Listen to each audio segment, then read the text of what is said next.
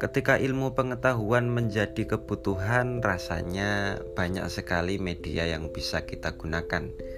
termasuk bagi teman-teman yang mungkin lebih condong ke tipe auditori, lebih suka mendengarkan, maka saya ingin ikut berbagi pengetahuan yang telah saya pelajari di podcast ini untuk berkenalan dengan tokoh-tokoh besar, memahami teori-teori yang awalnya rumit untuk saya sederhanakan dan dipahami bersama, kita kaji bersama, kita ambil manfaatnya bersama untuk lingkungan kita, untuk masyarakat luas. Selamat mendengarkan dan semoga bermanfaat untuk kita semua.